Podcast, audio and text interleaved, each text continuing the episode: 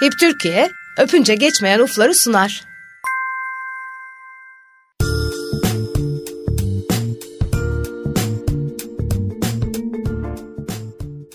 Merhaba ben Deniz Karadeniz. Bir Öpünce Geçmeyin Uflar programı daha bir araya geldik.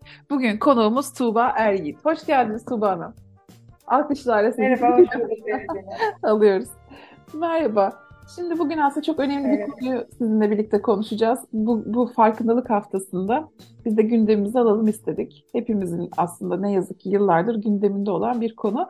Biraz kendinizden bahseder misiniz? Sizi dinleyenlerimiz de tanısın. Tuğba Erliğit ben. E, lisans ve yüksek lisansımı Yeditepe'den. Doktorama şu anda Osman Gazi Üniversitesi'nde devam ediyorum. 2018 yılından beri Gedik Üniversitesi'nde çalışıyorum. Ee, çalışma alanlarım e, iç hastalıkları hemşireliği, onkoloji, kanser, yani kanserin her türüyle ilgili e, çalışmayı seviyorum. Hı hı. Hem çok zor bir alan gerçekten, çok e, psikolojik olarak da yorucu, yıpratıcı bir alan. Ama ben e, diğer taraftan çok manevi doyum aldığımı söyleyebilirim. Hı. E, insanlara gerçekten e, iyi geldiğimi, onları iyileştirebildiğimi görmek beni çok mutlu ediyor. Umarım pek çok insana şifa olursunuz. Çünkü gerçekten hasta tarafından da zorlu bir süreç geçiriliyor.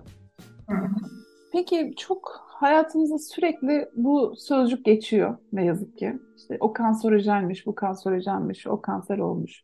Yakınlarımızda duyuyoruz filan. Filmlerde çokça konu oluyor, dizilerde duyuyoruz. Ve nedir kanser? Yani aslında şöyle tanımlarsak tıbbi açıdan ne dersiniz? Yani çok basit bir tanım yapmak istiyorum. Aslında kanser gelişimi vücudumuzun temel yapı taşı olan hücrelerde başlıyor. Vücudumuzdaki bütün hücrelere ayrı ayrı belli görevler kodlanmış ve bu görevleri yerine getirmek için de belli bir süre, bir ömür verilmiş. Bu süre, bu ömür içerisinde hücreler bu görevleri gerçekleştiriyorlar, ölüyorlar ve onların yerine de yenileri geliyor. Hı hı. Ama bu bahsettiğimiz çok kısa süreçte bir e, yanlış gelişme ya da doğru şekilde ilerlememe meydana geldiğinde ne oluyor? İhtiyaç olmadığı halde yeni hücreler çoğalıyor veya ömrü sona eren, ölmesi gereken hücre ölmüyor. Ve bu iki bahsettiğim grup tümör adı verilen kitlelere dönüşüyor. Aslında kanserin oluşumu bu. Yani dışarıdan evet etkileyen faktörler var ama özümüzde kanser bizim içimizden gelen bir şey. Bizim hücrelerimizden meydana gelen bir şey. Peki bu, bunu tetikleyen faktörler var değil mi içeriden gelmesi? Evet. evet. Yani e, özellikle bunların başında genetik geliyor. Çalışmalarda kanıtlanmış genetik faktörler en birinci risk faktörü arasında sayılıyor. E, genetiğinizde yani belli işte BRCA tarzı belli hücreler var. Bu çalışmalarda da yapılıyor, aşılamalar oluyor. Halk arasında da duyuluyordur. E, belli hücrelere sahip olmanız genetik yapınızda sizi riskli kişi ilan ediyor. Hani bu anlamda aslında şu açıdan şanslıyız. Çünkü bazı hastalıklarda hangi hücrelerin ya da genetik olarak hangi kodların o hastalığa neden olduğu bilinmiyor. Özellikle romatolojik hastalıklarda. Ama kanserde belli başlı bazı e, genetik kodların kansere neden olduğunu bildiğimiz için bu bizi erken tanı ya da taramada e, avantajlı hale getiriyor. Yani bunlardan ilki genetik. Ama bunun dışında sigara içmek, alkol kullanmak bunlar kanıtlanmış çalışmalardan bahsediyorum burada. Halk arasında sürekli hani sigara içmeyin, alkol al- almayın kamu spotlarından değil de çalışmalarda kanıtlanmış şeylerden bahsediyorum. Sigara ve alkol kesinlikle kanıtlanmış şekilde. Bunun dışında fazla kilolu olmak, obezite, bazı virüs ve enfeksiyon hastalıkları, bakterilerin, virüs ve bakterilerin neden olduğu enfeksiyon hastalıkları bizim e, genetik yatkınlığımızın da üzerine mutlaka e, kanser açısından riskli kişiler olmamıza neden oluyor. Hı hı. Ama tabii ki bunun dışında aile üyelerinde genetik olarak da biraz açacak olursam, aile üyelerinde genç yaşta kanser olanlar, 3 ya da daha fazla kuşakta aynı tip özellikle işte 3 kuşaktır akciğer kanseri görülüyor dedelerde diyelim ki. Aynı tip kansere sahip olanlar anne baba tarafından 3 ya da daha fazla kanser olgusu olanlar veya aile bireylerinde 2 veya daha fazla çeşitli kanser bulunanlar mutlaka erken tanı ve tarama takiplerinin yapılması gereken gruplar. Peki erken tarama takip dediğiniz kaç yaştan itibaren yapmak lazım? Ailede bildiğimiz böyle bir genetik etki var, etken var. O zaman kaç yaşında bu takibe başlanıyor? Yani o tarama kısmını bir tık daha çünkü bütün kanserler için ayrı tarama kriterlerimiz var. Evet ileriye almak istiyorum. Kısaca yine tabii ki bahsedeceğim ama burada hmm. öncelikle biz e, erken farklılık dediğimizde şu aşama giriyor. Biz kanser dediğimizde birincil, ikincil ve üçüncül korumadan bahsederiz. Burada birincil korumada kanser oluşmadan önceki aşamadır. Neler yapabiliriz'e bakarız. İkincil aşamada kanser hücresi vardır ama klinik olarak hiçbir bulgu olmadığı için kişi şikayetçi olup doktora gitmez. Ama vücudunda o hücre vardır. Üçüncüsünde ise artık tanı koymuştur ve tedaviye gider. Artık üçüncüden sonra bizim koruma ve erken tanı anlamında yapabileceğimiz bir şey yok. Ama bizim için birinci ve ikinci dönem çok kritik. Hı hı. Özellikle birinci dönemde neler yapabiliriz? Özellikle beslenme düzenlenmesi. Yağdan zengin beslenme en büyük risk faktörlerinden biri. Tuzlanmış ya da işlenmiş gıdaların tüketilmesi yine en büyük risk faktörlerinden biri. Veya vitamin A, C, E'den fakir beslenme bunların belli kanserlere neden olduğu yine çalışmalarda kanıtlanmış. Kırmızı etler ve doymuş yağ oranı yüksek ve düşük lifli diyetler, özellikle turşu tarzında çok tuzlu şeyler. Yani biz şunu öneririz e, insanlara. Turşuyu yiyin evet turşu çok sağlıklı bir şeydir ama çok da tuzlu bir şeydir aynı zamanda. Hani bu illa tansiyon hastalığınız vesaire olmasına gerek yok. Turşuyu yıkayıp yemeyi özellikle öneririz. Hmm. Balık veya etin aşırı kızartılmaması ya da kavrulmaması. Çünkü e, hep halk arasında da bilinir. Haşlama daha sağlıklıdır evet ama neden? Bu balık ya da etler aşırı kızartıldığında ya da kavrulduğunda işte o zaman kanserojen etki yağın dönüşümüyle beraber meydana gelen kanserojen etkiler karşımıza çıkıyor. Bu birinci korumada bunlardan bahsedebilirim. Veya yapabildiğiniz çok basit şeyler de var. Neden bahsettik? Sigaradan. Sigara içmemek veya pasif içici olmamak. Bu da çok önemli. Alkol kullanmamak, fiziksel aktivite yine en büyük yapabileceğimiz basit etmenlerden. E, radyasyona çok maruz kalmamak. Bunu neyi sayabilirsiniz bunun içinde? Herkes günlük hayatında evet televizyon, bilgisayar, e, bir miktar radyasyona maruz kalabiliyoruz ama bunun dışında işte çeşitli çalışma alanlarında olan bireyler de ekstra e, radyasyona maruz kalabiliyorlar. Bu anlamda belki belli bir yıl üzerinde iş değişikliği yapmak, yine sadece radyasyon için değil bu, asbest tarzı e, etkenlere de maruz kalabiliyor çalışanlar ya da işte kod e, hep konuşulur halk arasında Taşlama, bu. Evet. Kod, evet kod taşlamalar, çok dumanlı hava sahasında madencilikte çalışanlar. Hani belki o anlamda da dikkat edilebilecek şeyler olabilir. Ee, çok basit yine yapılabilecek düşük meyve sebze alımı, e, beslenmeyi düzene sokmak aslında burada. Yani şunu söyleyebilirim, sadece kanser için de konuşmayalım bunu. Bütün e, kronik hastalıklar açısından bakacak olursak, bütün işin temeli beslenme.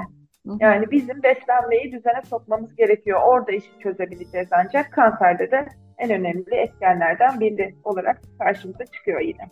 Hep şunu bahsediyorsunuz aslında az önce siz de söylediniz. Eğer kavuruyorsak, kızartıyorsak iş biraz daha karışıyor anladığım kadarıyla sağlık açısından. Evet. Ama şimdi bütün evet. sulu yemekleri evet. yaparken nasıl başlıyor? Soğanı kavuralım diye başlıyor. Orada hata mı yapıyoruz? Evet. evet aslında soğanı kavurmayı değil de şunu öneririz biz. Ee, onun bir adı var şu an aklıma tam olarak gelmiyor ama e, terletme. Heh, terletmeyi öneriyoruz. Yani bu nedir? Evet soğanı koyacağız yağın içine. E, düşük ateşte, düşük kısık ateşte açacağız. Kapağını kapatacağız ve orada terleyecek soğan. Soğanı orada öldürmeyeceğiz tamamen yağıyla. Dakikalarca salçayla karıştırmayacağız onu. Soğanı terleteceğiz ve işleme devam edeceğiz. Çünkü dediğiniz gibi bütün yemeklerin özü yağ, soğan, salça aslında. Hani onu çok değiştiremiyoruz. Ya da suda su, suda öldürmek mümkün olabilir. Benim eşim Tabii, evet. rahatsızlığı geçirmişti. Biz öyle yapmaya çalışıyoruz. Peki evet, aynı evet. tat olmuyor onu söyleyeyim. Kesinlikle söyleyerek aynı tat değil. Vallahi yani, Ama alışıyorsunuz. evet alıştık diyelim. Ama şöyle bir gerçek ki hakikaten kızartmalar, o kavurmalar daha lezzetli ya da damak tadımız onu. Evet. Çocukluğumuzdan beri yediğimiz. Ee, yani. Evet, evet. Çocukluğumuzdan beri bunun içindeyiz. Özellikle Anadolu kültürü öyledir. Daha yağlı, ne daha yağlıysa o kadar lezzetlidir. Tabii. Kızartmalar hep daha lezzetlidir. Ortaya karışık kızartmalar yapılır vesaire. Evet. Şimdi yağdan zengin beslenme tehlikeli dediniz. Bunun içerisinde bütün yağları mı kapsar? Yani işte çiçek yağı, zeytinyağı, ne bileyim e, aklınıza gelen işte Ee, yani yağlar, aslında tereyağı. bu, bu kısım biraz e, yağdan zengin sıkıntılı demedim bu arada. Kızartılmış olması sıkıntılı. Tamam. Ama yağdan fakir ve potadan zengin gıdalarla beslenmek bizim için kolon kanseri açısından özellikle sıkıntı olabiliyor. Ama burada yağ çeşitleriyle ilgili çok da ayrıntılı bilgi vermem doğru olmaz. Burada bir beslenme, beslenme uzmanına danışmak daha etkili olabilir. Ee, ben kabaca bilgi vermiş olayım onunla ilgili. Peki. Çünkü orada da çok tartışmalar var ya bazen işte Evet. zeytinyağı bile tehlikeli ya da zeytinyağı da kızartırsanız daha tehlikeli falan gibi şeyler çıkıyor. Tabii tabii. Bazı yağlar soğuk tüketilsin salatalarla gibi şeyler çıkıyor ama çok e, benim Çok uzmanlık alanım olmadığı Doğru. için de müdahale etmek istemem. Doğru, haklısınız. Mesela biz bir diyetisyen konuğumuz olmuştu. Ondan öğrenmiştim ben de. Anneler hep daha sağlıklı olsun diye pekmez koyuyor örneğin. Şeker olmasın da pekmez olsun. Çocuğun gıdasında. Evet şey. ama aslında Pişince evet aslında pişince kanserojen oluyormuş o da. Isıyla. evet, bal ve pekmez biraz riskli. Evet, öyleymiş. Bu arada tabii şunu da yapmamak lazım galiba. Böyle bizim toplumda da gördüğümüz, çevremizde de gördüğümüz çok sigara tüketmesine rağmen hiç çok şükür hani Allah korusun onları tabii ama herhangi bir hastalıkla e, kanserle dair yaşamaya. Sonra onu referans alıp aman onda bir şey olmuyor, bana da olmaz falan deyip böyle rahat olmamak lazım sanki değil mi? Çünkü herkesin Tabii tabii. Bizim farklı. en çok sıkıntı çektiğimiz grup bu. Evet. Çok, çok güzel bir noktaya değindiniz gerçekten. Evet ama bu ona olmadığı ama sana olmayacağı anlamına gelmiyor. Bize olmayacağı anlamına gelmiyor. Veya şöyle tabii ki az önce bahsettim. Sigara çok çok büyük bir etken. Özellikle akciğer kanseriyle direkt bağdaştırılmış bir kavram. Ama bunun üzerine az önce risk faktörlerini sayarken de söyledim. Genetik bizim temelimizde.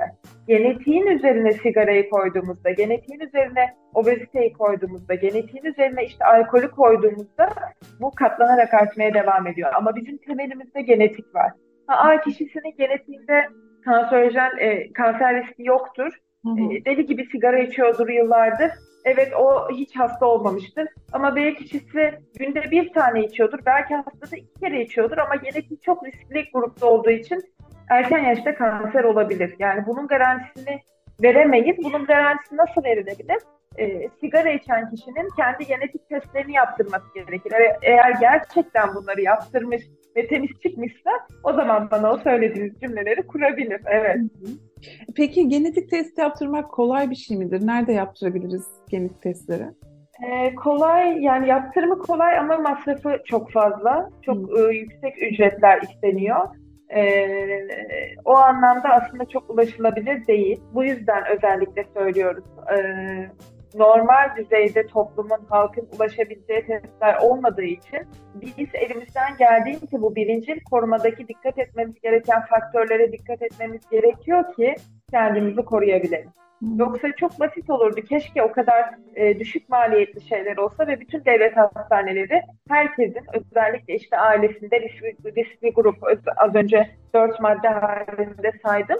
Bu dört e, gelişme riski içerisinde olan kişilere bu test yapılsa ve ona göre de kişiler kendini korasa atıyorum memesini aldırsa mesela meme kanseri açısından risk taşımasa.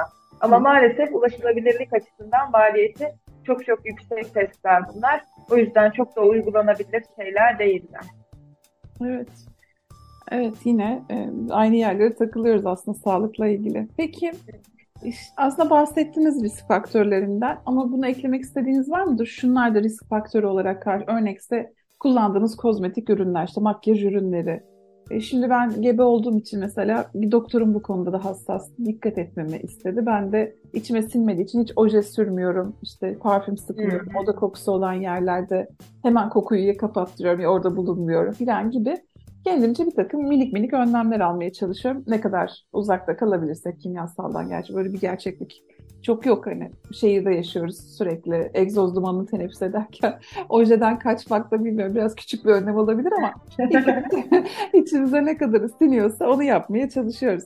Başka var mıdır böyle risk faktörleri özellikle altını çizmek istediğiniz? Önce şunu söylemek istiyorum ama farkında mısınız? Çocuğunuz olana kadar yani hamile kalana kadar böyle bir e, özveriniz yoktu.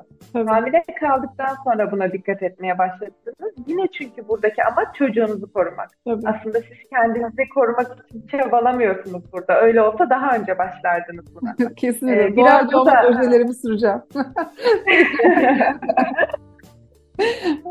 Evet bu da çok e, dikkat edilmesi gereken bir nokta. Aynı şekilde ben de evet e, çok fazla e, makyaj kozmetik ürünü kullanmıyorum ama muhakkak bir şeyler kimyasal olarak devam ediyor hayatımızda dediğiniz gibi.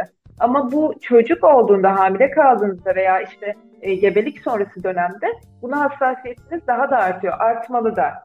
Çünkü gerçekten çok e, çevresel anlamda kötü, pis bir dünyada yaşıyoruz şu anda. Bu evet bizim sayemizde oldu. İşte sularımız bitmek üzere, çevremiz çok kirli, e, evin içinde bile çok fazla kirli havaya maruz kalabiliyoruz. E, buna muhakkak dikkat etmek gerekiyor ve yapılan çalışmalarda da hep böyle biz dışarıdaki havayı konuşuyoruz ya. Aslında evet İstanbul için bunu konuşmayabiliriz belki yine belli kesimleri dışarıda bırakarak söylüyorum ama Anadolu'nun büyük bir kısmında ev içi e, toz ve dumana maruz kalarak da risk altında olan kişiler var. Çünkü hala büyük bir kesimde özellikle köylerde ve kasabalarda e, odun ve benzeri ürünler yakılarak işte ocakta yemek yapılıyor veya ısınma sağlanabiliyor. Hani bu da en büyük risk faktörlerinden. İç ortam kirliliği de atlanmaması gereken şeylerden biri. Ama bunun dışında günlük hayat için ne söyleyebilirim aklıma gelen? Güneş. Güneş cilt kanseriyle direkt bağdaştırılmış bir şey. Evet güneş almayacak mıyız? Almamız gerekiyor. D vitamini bizim için çok elzem bir şey ama e, işte bu koruyucular veya günün işte belli saatlerinde e, dışarıya çıkmak ve güneş ışığına maruz kalmak gibi şeylere dikkat edebiliriz. Onun dışında işte hepatit B ve C hastası olanların karaciğer kanseri riski anlamında kendilerini düzenli olarak kontrol ettirmeleri veya işte e, korunmasız ilişkiye girme açısından çünkü belli virüsler e, human papilloma virüsünün özellikle e, servis kanserine neden olduğunu biliyoruz. E, korunmasız ilişkiye girme anlamında da dikkat edilmesi gerekiyor kanser riski açısından. Aslında e, rahim ağzı kanseri için de bir aşı var değil mi? Aşının belki önlenebilir. Evet, evet, evet. Daha Evet hatta yeni gelişmeler oldu. Evet yeni Sağlık Bakanlığı bünyesine girdi ve rutin e, şeyler açısından bu da yine ama bizim sayemizde oldu. Yani gerek hemşireler gerek sağlık profesyonelleri çeşitli imza kampanyaları başlatarak bunu sağlayabildik. Çünkü vardı ulaşılabilirdi yani maddi olarak bahsetmiyorum. Ulaşılabilir bir şeydi ama maddi olarak çok yüksek olduğu için e, halk dışarıda kalıyordu. Hı hı. Ama şu anda artık uygulamaya geçilecek aşı anlamında büyük gelişmeler var. Peki. Peki biraz da şundan bahsetmiştiniz. Kimler risk altındadır? İşte genetik yatkınlığı olanlar, kiloca, e, obeziteye yakın olanlar gibi. Ama bu, buraya eklemek istedikleriniz var mıdır? Başka kimler daha dikkatli olmalı kanser konusunda? Ee, kimler hakkında ekleyebileceğim şey yok ama bunlarla bağlantılı olarak belki hani ne görürsek kanserden şüphelenmeliyiz. Bundan bahsedebilirim. Yani vücudunuzda ya da işte kendinizde neyi fark ederseniz kanserden şüphelenmeniz gerekiyor. Biraz bunlardan bahsedeyim. Özellikle açıklanamayan kilo kaybı ve istikrarlı bir şekilde. Hani belli bir dönemden bahsetmiyoruz. Ee, yaşın 50'nin üzerinde olması. Muhakkak 50 yaşın üzerinde birazdan tarama programlarından bahsedeceğim erken tanıda. Orada da zaten en büyük kriterimiz yaş faktörü. Yaş ilerledikçe e, bu dış çevresel faktörlere de maruziyetimizin artmasıyla beraber kanser riskimiz artıyor muhakkak. E, beslenmenin düzenlenmesini konuştuk zaten. Bununla ilgili şeyler yapılabilir. İnatçı ve geçmeyen öksürük. Hı hı. Yani burada da en az 3 ay gibi bir sınırlamamız var. E, geçmeyen bir kuru öksürüğe sahipseniz şüphelenmek gerekiyor. Ben ve sihirlerdeki değişimler, bu büyüme olabilir, daralma olabilir, renk değişimi olabilir, e, ileriye atım şeklinde olabilir. Ben ve fiillerdeki bütün değişimler yine bizi şüphelendirmesi gerekiyor. Ama tabii nasıl şüphelendirir bu? Vücudunuzu tanıyarak yani vücudunuzdaki ben ve fiillerin farkına varmanız gerekiyor ki değişimin farkına varabilirsiniz. Ee, birazdan yine söylüyorum erken tanıda da konuşacağım. Vücudumuzu tanımak kanserin birinci e, faktörlerinden biri olması gerekiyor. Bunun dışında cildinizde yine ben ve sihirler dışındaki değişiklikler, işte bir renk değişikliği olabilir bu. Sebepsiz yere düşme vurma olmadan morarmalar, kızarmalar olabilir, şişmeler, ele gelen şişlikler olabilir veya bu işte bölgesel şeylerden dolayı şişlikler veya kızarıklıklardan dolayı meydana gelen ciddi ağrılar olabilir ve olağan dışı kanamalar. Kanama bizim için her zaman kanser olmasa da kanamanın bir sebebi vardır ve ciddi bir sebebi vardır. O yüzden kesinlikle arka plana atılmamalıdır. Bu kanama balgamla olabilir, dışkıyla olabilir, idrarla olabilir. Hiç fark etmez. Ya da şiddetli bir burun kanaması da olabilir. Süre gelen, devam eden istikrarlı. Kanama her zaman için bizi şüphelendirmesi gerekiyor. Belki belirtiler anlamında bunları söyleyebilirim. Hı hı. Peki burada gebeler için ekleyeceğiniz bir şeyler var mı? Onlara özel söyleyecekleriniz olur mu? Evet, gebeler için şöyle e, yapılan çalışmalarda yine özellikle gebelikte hormon düzeninin e, artması ve değişmesiyle beraber biz çalışmalarda gebelik sırasında veya gebeliğin hemen sonrasında doğum beraberinde çok fazla tanı koyulduğuna şahit oluyoruz. Özellikle meme kanseri anlamında. Bu yüzden gebelerin özellikle hamilelik döneminde bu kendi kendine meme muayenesini aksatmamaları, eğer işte yapamıyorlarsa klinik meme muayenesi anlamında destek almaları veya düzenli aralıklarla lenslerini kontrol etmeleri bizim için çok önemli. Lenslerde e, büyümeyle öncelikle kendini gösterebiliyor meme kanseri. Ama şöyle ki e, hemen bu belir bahsettiğim belirtiler olduğunda korkmalı mı bir gebe? Hayır. Çünkü az önce dediğim gibi gebelikte zaten bu hormonal değişiklikler nedeniyle biz lenflerde büyümeyi veya memede farklı değişiklikleri görebiliyoruz. Ama riske atmalı mıyız? Hayır tabii ki. Erken tanı anlamında mutlaka e, bu gibi belirtileri gördüğümüzde bir hekime başvurmamız gerekiyor. Özellikle meme kanseri için de şunu söyleyebilirim. E, neyden şüphelenecekler işte gebeler veya kadınlar? Çok çünkü e, kadınlar arasında en sık görülen kanserlerden olduğu için, birinci sırada olduğu için bahsetmek istiyorum. İşte meme başında bir akıntı, şekil değişikliği, renk değişikliği, portakal görünümü dediğimiz pütürlü, selülitimsi bir görünüm e, veya muayene ettiğimizde artık e, meme der, tarzı derneklerin bile sitesine girdiğimizde kendi kendine meme muayenesi videoları var. Eğer oralardan ulaşamıyorsanız herhangi bir aile sağlığı merkezine veya ketem tarzı bir merkeze gittiğinizde de zaten size kendi kendine meme muayenesini hem uygulayıp hem anlatabiliyorlar. Anlatan kişiler var. Yani oradan bir örnek alıp video izleyip kendi kendi meme muayenesinde elinize gelen herhangi bir kitle ve özellikle e, memede evet farklı kitleler ele gelecektir dokunduğunuzda. Ama buradaki ayrımı da şöyle yapabiliriz. Kanser hücresi deriye tutunur. Yani siz dokunduğunuzda içeride e, santimsel boyutta hareket eden bir hücreyle karşılaşmazsınız daha çok. Daha çok deriye tutunmuş sabit bir kitleyle karşılaşırsınız. Budur bizim için kanser hücresi. Yoksa memede çok fazla nodül var. Özellikle işte emzirme dönemi vesairelerde ya da hamilelik döneminde çok fazla nodülle karşılaşabiliyoruz. Peki şöyle şeyler söylerler. Gebelikte emzirme ile birlikte riskin azaldığı Doğru mudur? Evet, evet kesinlikle. Bundan korunma yöntemlerinde bahsetmek istiyordum. Özellikle e, 30 yaşı geçmiş, hiç emzirmemiş veya gebe kalmamış kadınlarda biz daha fazla tanı koyulduğunu görüyoruz. Emzirme kadını koruyor. Doğum yapmak, emzirmek e, kadını koruyor. O yüzden 30 yaşından önce e, anne olmayı mutlaka öneriyoruz. Tabii ki bu artan vakaları ilişkilendirebiliriz. Neden? Çünkü ülkemizde bütün dünyada aslında ilerleyen yüzyılla beraber kadınların işte çalışma hayatında daha fazla atılması veya evlilik yaşının artmasıyla beraber anne olma yaşı da çok ötelenmiş durumda. Eskiden kadınlar 20'li yaşlarda anne kalırken şimdi 20'li yaşlarda daha nadiren görüyoruz. 30 yaşından sonraki annelikleri daha çok görüyoruz. Bu da tabii ki kanser e, riski açısından e, artım gösteriyor maalesef. Peki korunma önlemleri için neler söylersiniz? Korunma için e, şunları özellikle erken tanı için, tarama için şunları belirtmek istiyorum.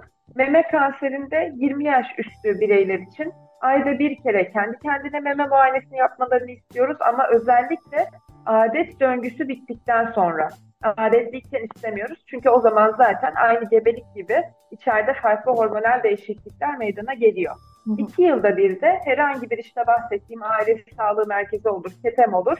E, bir kuruluşta klinik meme muayenesini yaptırmasını istiyoruz. Ama 40 yaş üstü kadınlarda ise yine ayda bir kere kendi kendine meme muayenesi yapacak. Yılda bir kere sağlık kuruluşuna meme muayenesi yaptıracak. İki yılda bir de mutlaka mamografi çektirmesi gerekiyor. Ya bununla ilgili de tartışmalar var işte radyasyon almak istemiyoruz vücudumuza gibi. E, sadece şu cevabı vermek istiyorum. Kanser olmak mı, radyasyon almak mı? Çünkü orada aldığınız radyasyon bir akciğer filmindeki kadar o kadar minimal ki eğer ben erken tanı koyulacaksa bana, kanser erken tanınacaksa o kadar radyasyonu almayı göze alıyorum açıkçası. Evet. Onun dışında rahim ağzı kanserinden bahsedebilirim. Orada da 30 yaşın üzerindeki kadınlar için 5 yılda bir HPV DNA testi dediğimiz yine bu bahsettiğim kurumlar yapabiliyor özellikle ketemler. Testi yaptırmanız gerekiyor. Bir de smear testi. Özellikle siz mesela doğumdan sonra mutlaka ilk kontrolünüzde hekiminize bunu hatırlatın lütfen. Ee, ilk kontrolde vajinal kontrol yapıldığında smear testi de mutlaka alınsın. Kalın bağırsak kanseri içinde özellikle erkeklerde çok fazla görüyoruz. 50 yaş üstü bireyler için 2 yılda bir dışkıda gizli kan testi ve 10 yılda bir de kolonoskopi yapılmasını öneriyoruz biz erken tanı için. Peki özellikle annelere söyleyeceğiniz, annelere ve babalara söyleyeceğiniz bir şey olur mu? E, çocuklarda böyle belirtiler, takip edilebilecek belirtiler var mıdır? Yani belirtiler açısından bir şey söyleyemem çünkü çok zamana yaydığımız bir şey bu ama şöyle e, bu çevresel faktörleri iyileştirmek anlamında söyleyeceğim çok fazla şey olabilir. Özellikle beslenmeyle ilgili. Çünkü biz e, ağaç yaş geneğiyle diyoruz ya bu çok doğru bir tabir ve her anlamda kullanabiliriz bu tabiri. Biz belli bir yaşa geldikten sonra ne zaman mesela kişi 35-40 yaşına geliyor, e, kişiye tansiyon tanısı koyuluyor ve diyor ki doktor ve beslenme uzmanı hadi bakalım sen şimdi bütün beslenme düzenini bir kenara koyacaksın ve benim koyduğum bu kurallara uyacaksın. Evet kişiler e, can korkusuyla bunu yapmaya çalışıyorlar. Çok güzel uyum sağlayan insanlar da var ama ağaç bir kere eğilmiş. Hı hı. Onu tekrar düzeltmek, başka bir şekil vermek çok zor. Ama biz çocukluktan itibaren bu beslenme alışkanlıklarını Evet şunu demek istemiyorum. Çocuğunuz asla şeker yemesin, zararlı bir şey tüketmesin, kola içmesin demiyorum. Hepimiz nitekim kısmen böyle büyüdük.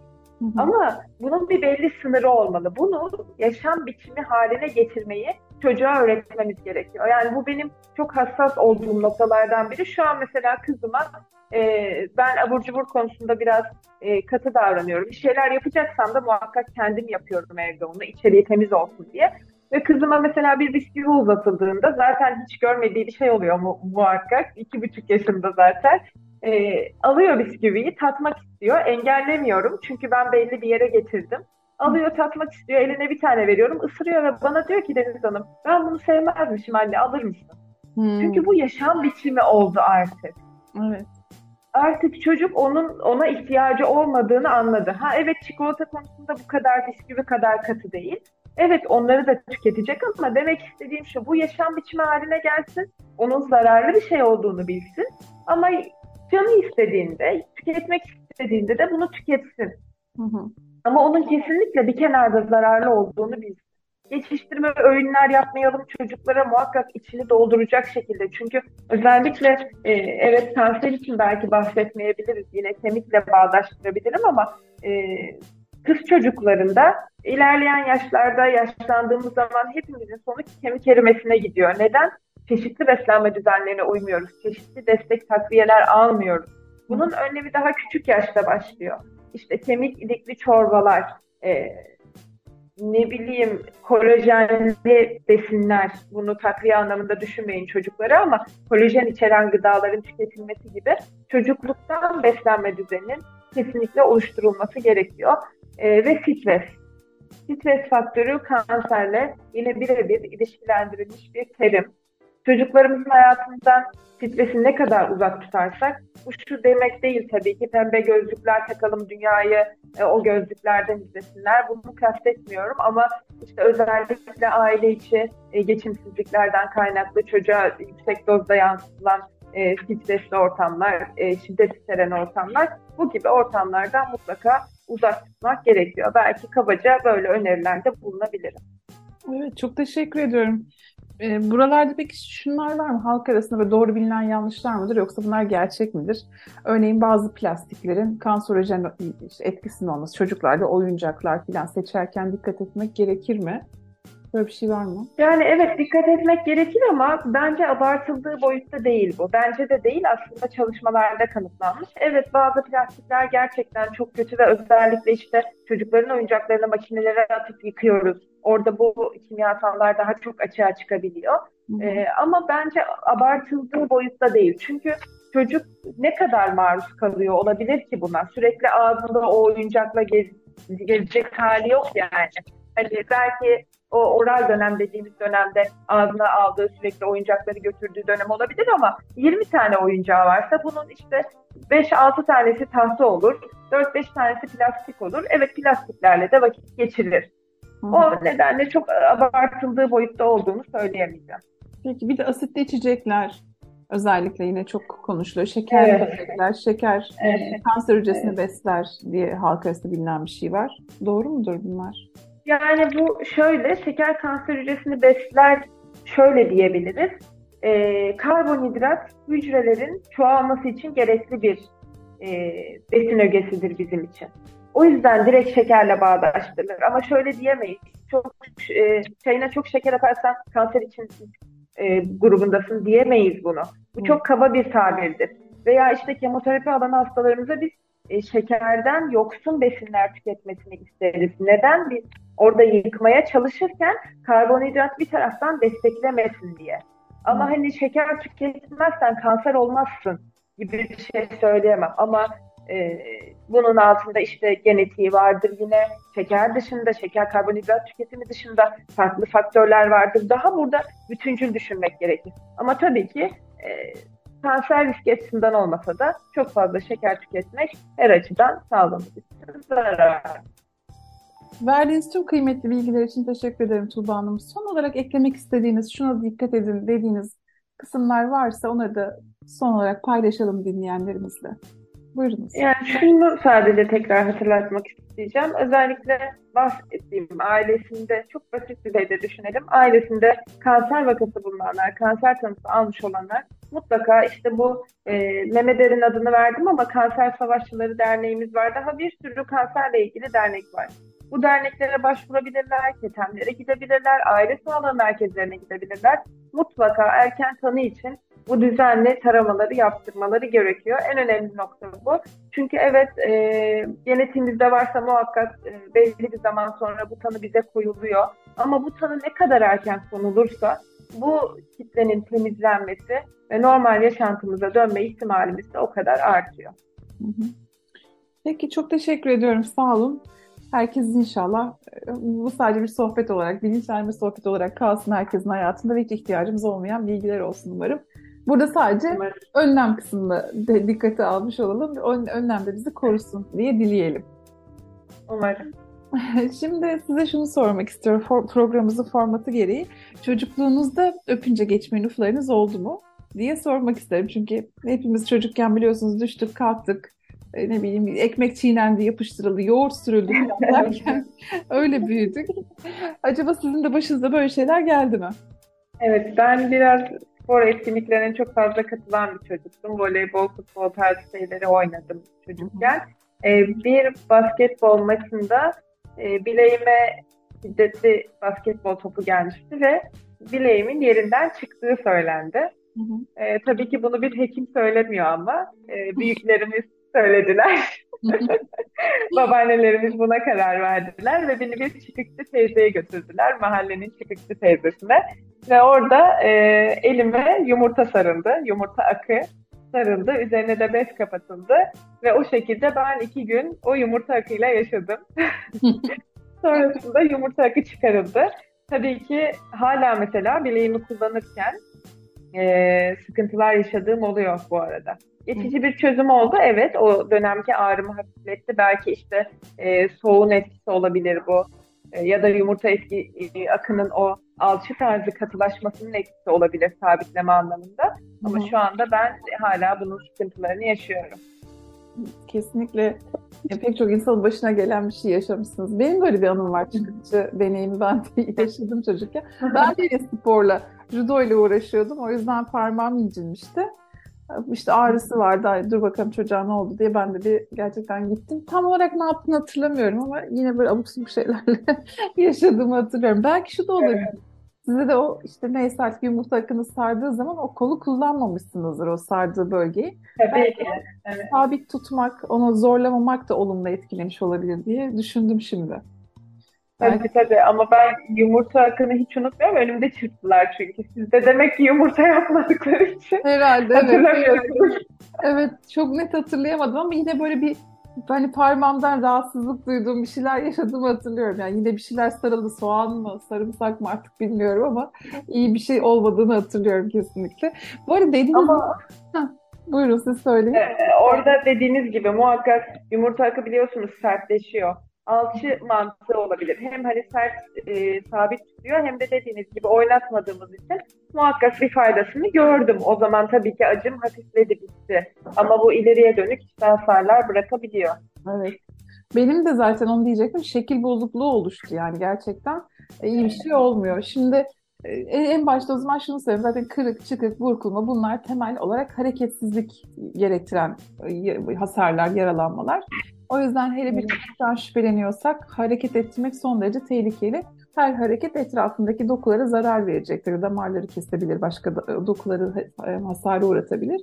Bu yüzden temel olarak hareketsizlik gerekiyor ve tabii ki bütün hurafelerden uzak hemen uzman doktora ulaşarak gerekli ilk yardımı, gerekli tedavinin hatta yapılmasını sağlamak lazım. Bu çok kıymetli. Bir de evet. da çok oluyor. Siz de etrafınızda görmüşsünüzdür ve bazen çocuklar da yapıyor, yaşlılar da yapar. Böyle çıktığı zaman kendi yerine oturttum ben. İşte o kendi Tabii, evet. O sonra işte kalıcı hasar oluyor. Hep çıkıyor. Aa, orası hep ağrıyor, hep bir hassas. Çünkü doğru tedavi yapılmadığında ömür boyu bir rahatsızlığa dönüşebiliyor. Bizim de önerimiz artık çıkık, artık çıkıkçıların, kırıkçıların bitmesi ve bilimsel doğrunun peşinde gidilmesi. Buyurun evet. bir şey söylüyordunuz galiba. Bölmüş olmayayım. Yok hayır söylemiyorum. Aynı şeylerden bahsediyorum. Evet, aklın yolu bir diyorsunuz. Bilimin yolu bir. Evet. Orada evet. Çok teşekkür ediyorum. Evet. Bu bizim için anlattığınız tüm kıymetli bilgiler için çok çok teşekkürler. Öncelikle size sağ olun demek istiyorum. Rica ederim. Ben teşekkür ederim böyle bir haftada bu konuyu ele almak istediğiniz için. Umarım küçücük de olsa bir farkındalık yaratabilmişizdir. Eminim olmuştur. Ben de not alarak dinledim sizi çünkü benim için de son derece kıymetliydi. Dinleyenlerimize teşekkür ediyorum. Hep bizimle birlikte oldukları için. Serdar ve Ece'ye teşekkür ediyorum. Sonsuz destekleri için ve HIP Türkiye'ye teşekkür ediyorum. Bu yolculukta bizimle yürüdükleri için. Haftaya aynı saatte görüşmek dileğiyle. Hoşçakalın. Hoşçakalın. HIP Türkiye, öpünce geçmeyen ufları sundu.